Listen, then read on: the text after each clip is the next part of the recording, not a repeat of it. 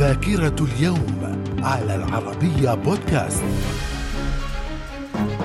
أهلا بكم إلى ذاكرة اليوم الثامن عشر من فبراير ففي العام 1930 اكتشاف كوكب بلوتو. في العام 1965 استقلال جامبيا عن المملكة المتحدة. في العام 1978 اغتيال وزير الثقافة المصري الأديب يوسف السباعي في قبرص. وفي العام 1978 أيضا إيطاليا والفاتيكان. توقعان على وثيقة تؤكد على حق كل منهما بأن تكون دولة مستقلة ذات سيادة. من الذاكرة. ومن ذاكرة اليوم الثامن عشر من فبراير في العام 1980 رفع العلم الإسرائيلي فوق سفارة إسرائيل في القاهرة وهي أول بعثة إسرائيلية في عاصمة عربية. في العام 1985 الجيش الإسرائيلي ينهي انسحابه من مدينة صيدا اللبنانية.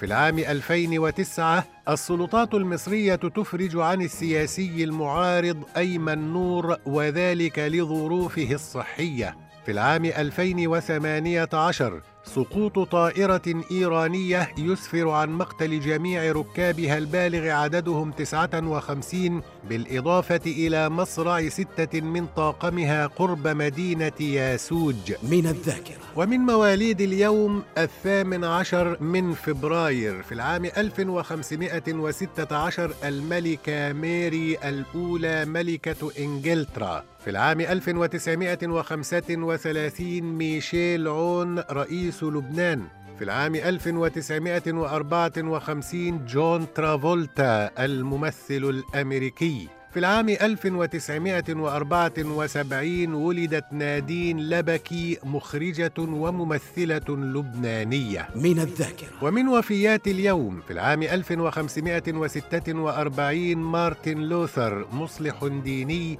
ومؤسس البروتستانتية. في العام 2009 توفي الطيب صالح الأديب والروائي السوداني.